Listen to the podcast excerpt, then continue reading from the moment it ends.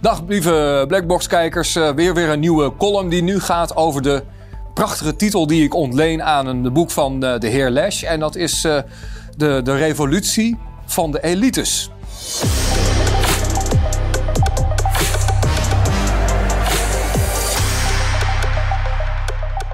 En wat wil dat zeggen? Is dus dat er een elite is ontstaan los van plaats en maatschappij en land die zich niet meer gebonden voelt aan natiegrenzen. En dat die heeft gezorgd voor de. Uh, Christopher Lash formuleerde dat al in 1996. die dus los van de plaats maatschappij, natiegrenzen leeft. En die in verregaande weg dus hun beleid, hun wensen oplegt aan de maatschappij. En die ook als een soort sprinkhanen overal kan verkassen. Want alle maatregelen die zij laten nemen en die ze laten afdwingen met hun, hun belangrijke vehicles, dat zijn de NGO's. Ik, ik noem ze niet gekozen organisaties, maar eigenlijk uh, heten ze dus non-governementele organisaties. denk aan al die klimaatcampagnes, enorm energieprijzen die de pan uitstijgen. Het hele landschap vol windmolens. Maar jij zorgt dan wel als uh, klimaatelite. Ach, dan ga je wel ergens anders wonen. Of uh, je reist naar een ander land. Je bent geen verantwoording verplicht aan de omgeving. Dus twee dingetjes gaan we het dus over hebben. Van wat is dan elite? Hè? Wat hoort een elite te doen? Wil je een goed functionerend land hebben? En uh, de rol van NGO's daarin, dus de niet gekozen organisaties. Dat zijn fondsenwervende entiteiten. Hey, je denkt bijvoorbeeld aan Greenpeace, uh, Stichting Natuur en Milieu, Stichting de Noordzee. Er zijn een ontelbare van die groene clubs, ook in Nederland, op de payroll, uh, gefinancierd door de Postcode Loterij. Die heeft daar uh, honderden miljoenen in van dat soort campagneorganisaties gepompt. Die dienen natuurlijk een bepaald belang en een bepaald doel.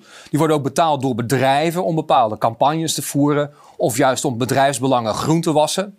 En uh, zo is een enorm machtsblok ontstaan naast de parlementaire democratie. Dus terwijl de overheid via de NCTV nu afgelopen woensdag was het, uh, 2 en 3 november was het in één keer kwam daar een boodschap uh, via de staatsomroep NOS van ja, er is een radicaliserende onderstroom van complotdenkers en die ondermijnen de rechtsorde. Is er al veel langer een veel grotere ondermijning gaande, namelijk door de niet gekozen organisaties.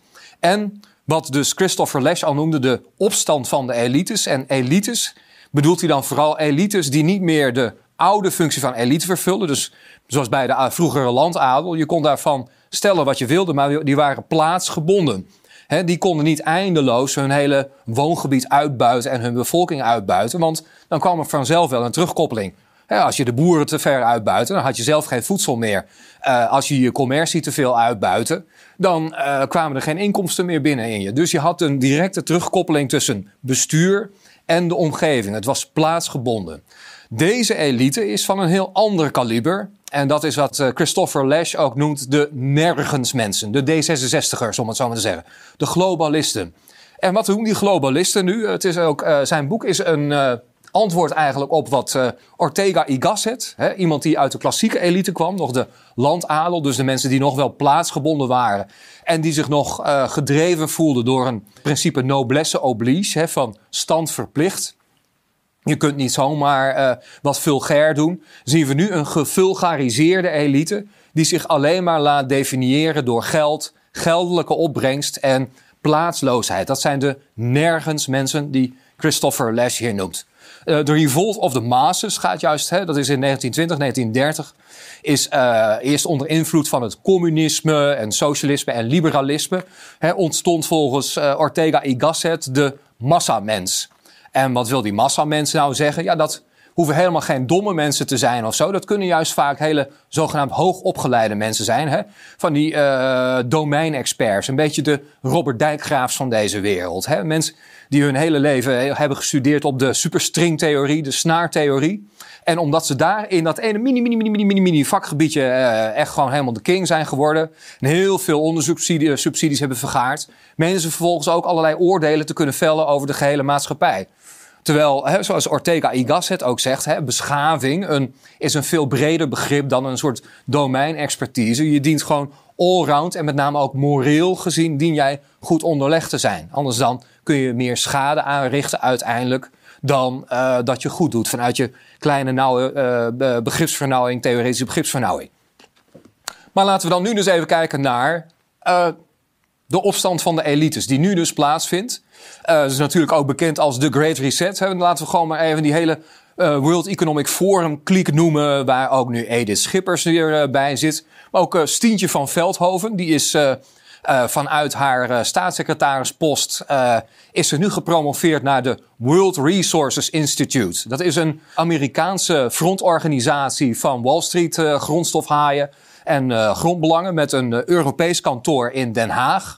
En Stientje die is daar nu de, de Europese directeur van geworden. Wat was Stientje? Stientje was eerst de D66-lobbyiste in de Tweede Kamer voor de NGO's, de groene NGO's van Nederland. Ze heeft uh, enorm veel schade aangericht in het uh, Waddenbestuur. Daar heeft ze ook voor gezorgd dat eigenlijk de zeggenschap over de grond en grondstoffen en de visserij, dat die is beland bij een kleine oligarchie. Ik noem dat de Waddenoligarchie van uh, niet gekozen organisaties. Ik noem dan Staatsbosbeheer, Natuurmonumenten en allerlei groene clubs die eigenlijk op de bestuurstoel van de overheid mochten gaan plaatsnemen. En verregaand het beleid mochten gaan formuleren en over mogen beslissen. Waarop ze vervolgens dan zelf ook financieel binnenlopen met overheidsgeld. De wat een oligarchie is uh, Stientje ongeveer verantwoordelijk voor. Uh, en vanuit Stientje en die World Resources Institute kom je dan uiteindelijk ook in een heel, hele octopus van allerlei elkaar bevoordelende NGO's, niet gekozen organisaties, die dus een ondermijnende invloed hebben uitgeoefend sinds de jaren 90 op de parlementaire democratie omdat zij gewoon wel een honderdvoud van het budget hebben van alle politieke partijen bij elkaar. Mede door A, de postcode loterij. B, door overheidsfinanciering. En C, door miljardairs en hun zogenaamde filantropische organisaties. In Nederland is een grote speler daarin bijvoorbeeld de Adessium Foundation van een uh, miljardair waarvan de naam even is ontschoten. Een beetje het oude geld rondom het Koningshuis is dat. We hebben dan uh, nog even kijken wie is daar nog meer actief. Oh ja, de European Climate Foundation is ook zo'n prachtige club. Uh, die is in 2008 gevestigd door Jules Kortenhorst, een CDA-kamerlid toen trouwens.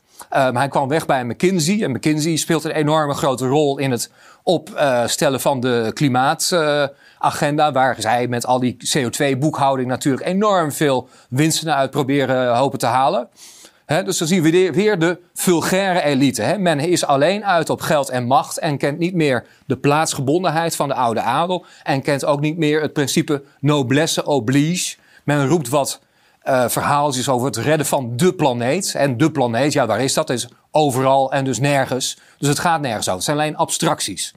Uh, de European Climate Foundation is een geldsluis van de Canadese me media-miljardair uh, John McBain en zijn John McBain Foundation. Daar zit weer een hele kliek omheen van uh, valse elite. Uh, zelfs oud-NATO-functionaris De Hoop Scheffer heeft daar even bij gezeten. daaraan gelieerd kun je ook bijvoorbeeld weer zien al die NGO's die George Soros heeft opgezet. He, waar ook onder andere de European Council on Foreign Relations met Mabel uh, Wisse-Smit, uh, pardon, uh, Mabel van Oranje als voorzitter. En die dan dus een enorme invloed uitoefenen op het beleid. de European Climate Foundation sluist weer 30 miljoen euro per jaar door aan allerlei campagnegroepen die allemaal roepen wat die elite wil. Dus die eigenlijk maatschappelijke steun vijzen voor wat eigenlijk uiteindelijk maar de 1% wil. Die 1%, Ga dus cashen op al die duizenden miljarden die onder staatsdwang uit onze zakken worden geperst. Hè, waardoor de energierekeningen ook stijgen. Uh, dat je eh, straks alleen nog maar elektrisch mag rijden. Een elektrische auto is 77.000 euro gemiddeld. Een benzineauto kun je voor de helft nog aanschaffen. Hè. Uh, elektrisch rijden betekent ook, is eigenlijk een beetje net als digital currency. Hè, is elektrisch rijden vergelijken met benzine, is eigenlijk de, de cash. Daar kun je overal kun je nog bij tanken even een zijpaadje. Waar het gewoon om gaat, is dat zij zo op deze manier, door noblesse oblige te vergeten en door zich los te koppelen van plaatselijke verantwoording, van concrete verantwoording, dat ze eigenlijk uiteindelijk gewoon zo de hele maatschappij uithollen. Hè? En dat heet dan ook de transitie, zoals ze dat dan noemen. Maar wat die transitie betekent, niets anders dan gewoon de complete vernietiging van alle natuurlijk sociaal cement. En ja, als dat dan gebeurd is, ach ja, dan zijn ze zijn wel weer ergens anders. Als jij een miljardair bent, dan kun je wel overal wel wonen en nergens wonen. Want je neemt je geld en je kapitaal wel weer mee. En de overheid mag dat dan allemaal wel weer oplossen. Die European Climate Foundation is dus een belangrijke geldsluis. En dat komt dan weer bij die kleinere NGO's terecht. Een andere club is bijvoorbeeld Natuur en Milieu. We hebben gewoon gezien die zogenaamde klimaattafels. Aan de klimaattafels zat uh, Eneco, Shell, daar zaten die zogenaamde NGO's, ook Natuur en Milieu. Kees Vendrik zat daar namens, was het de Triodosbank of was dat een andere groene club? Nou, in ieder geval, die was daar toen een, een voorzitter van. Hè. Die is nu de opvolger weer geworden van multicommissaris Ed Nijpels op klimaat. op die klimaattafels werd daar eigenlijk de buit verdeeld met de burgers op het menu. Dus degene die het moeten betalen en die ook de gevolgen gaan ondervinden in hun directe omgeving. Al was het alleen maar omdat je hele omgeving en de landelijke ruimte wordt bedolven onder uh, windmolens, zonnefarms. Uh, energie wordt onbetaalbaar, uh, het hele landschap wordt uitgehold, alle bomen worden omgekapt voor biomassa-centrales. Dus die voelen dat direct. Wij stonden op het menu. En de NGO's, waaronder ook Natuur en Milieu, een stichting in Utrecht, die mocht wel aan tafel zitten en mocht over ons beslissen. He, ons van gas losrukken, onze woningen. Dus dat je superieure warmtevoorziening inruilt voor een peperduurzame uh, warmtepomp uh, enzovoort. Dat gaat allemaal gewoon nog gebeuren. Hebben wij nooit om gevraagd natuurlijk.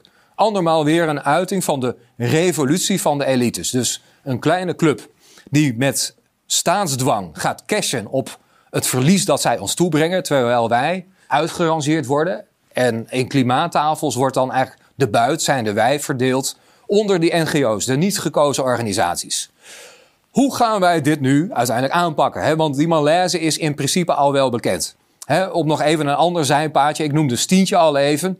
Maar tussen die NGO's, tussen uh, al die stichtingen, uh, maar ook tussen de overheid en allemaal overheidsclubs, heb je allemaal soort gouden riolen waar zij elkaar allemaal weer weten te vinden uh, voor nieuwe baantjes. Want natuur en milieu, daar werkt eerst ene Olof van der Gaag.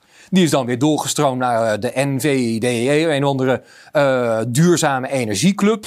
Een andere Roel, nog iemand, die stroomde weer door naar een hoog baantje bij Eneco. Dus zodra zij ook de buit binnen hebben gehaald, dan stromen ze weer door naar een commissariaatje. En datzelfde geldt ook voor al die politici van ons, die waardeloze mensen die er niet voor het volk zijn, maar die na een soort sollicitatieronde in de Tweede Kamer bij de valse elite terechtkomen krijgen ze een commissariaatje en dan langzaam. En dat is Edith Schippers, dan worden ze dan voorzitter van Food Valley. Hè. Dan gaan ze voor het World Economic Forum gaan ze onze boerenstand uitkleden en dat transitiemenu samenstellen voor ons insecten en uh, vego uh, eten.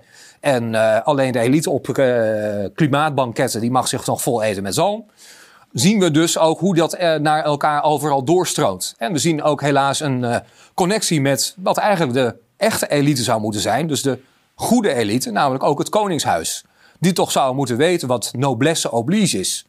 Hier komen we eens even bij een ander punt. En uh, door mijn onderzoek heb ik ook gezien dat het Koningshuis via al die rijke families, hè, noemen ze de UBO's, de Ultimate Beneficiary Owners van het grootbedrijf, dat die veel meer macht uitoefent uh, op een indirecte manier dan je zou denken. Uh, want hoe kon het ook anders dat de postcode loterij, terwijl de grootfinancier van al die campagneclubs, dus van de niet gekozen organisaties.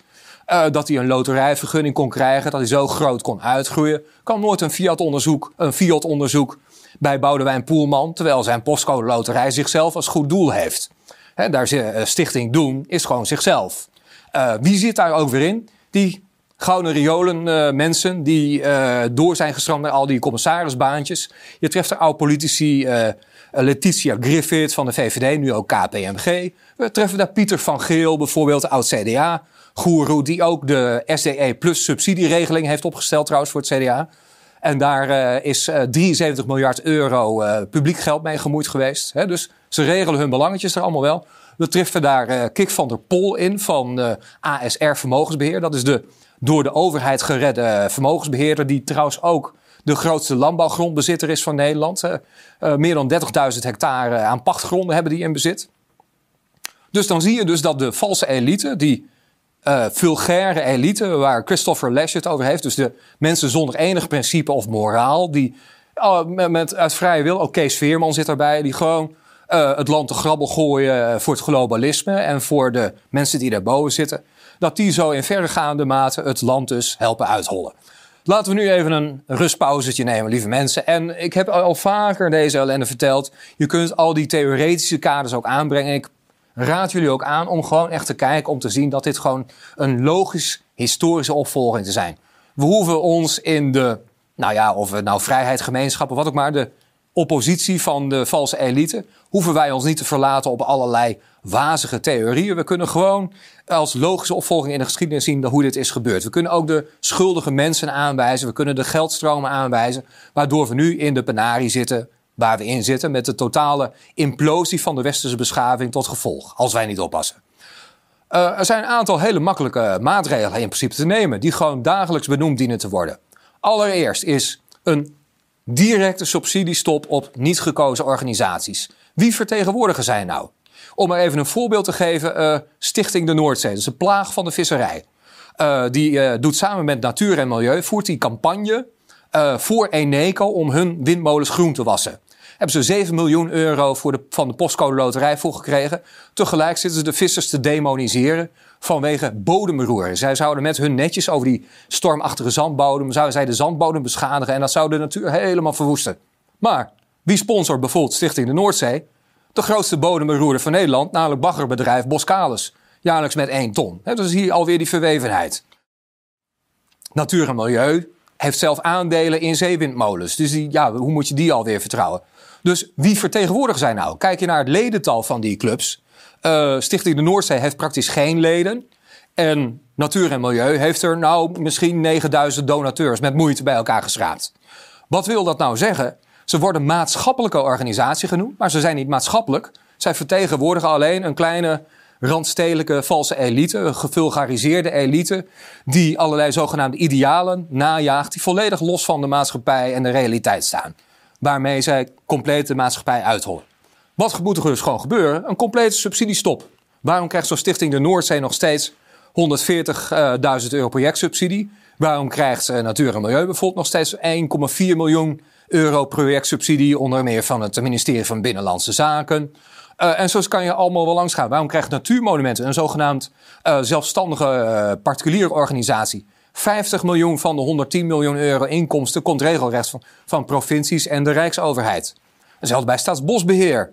die kregen nu al 152 miljoen euro subsidies. Terwijl ze waren in 1997 nog verzelfstandigd. Nou, maar ben jij nog wel zelfstandige organisatie wanneer de overheid, oftewel de belastingbetaler, veruit jouw grootste inkomstenbron is.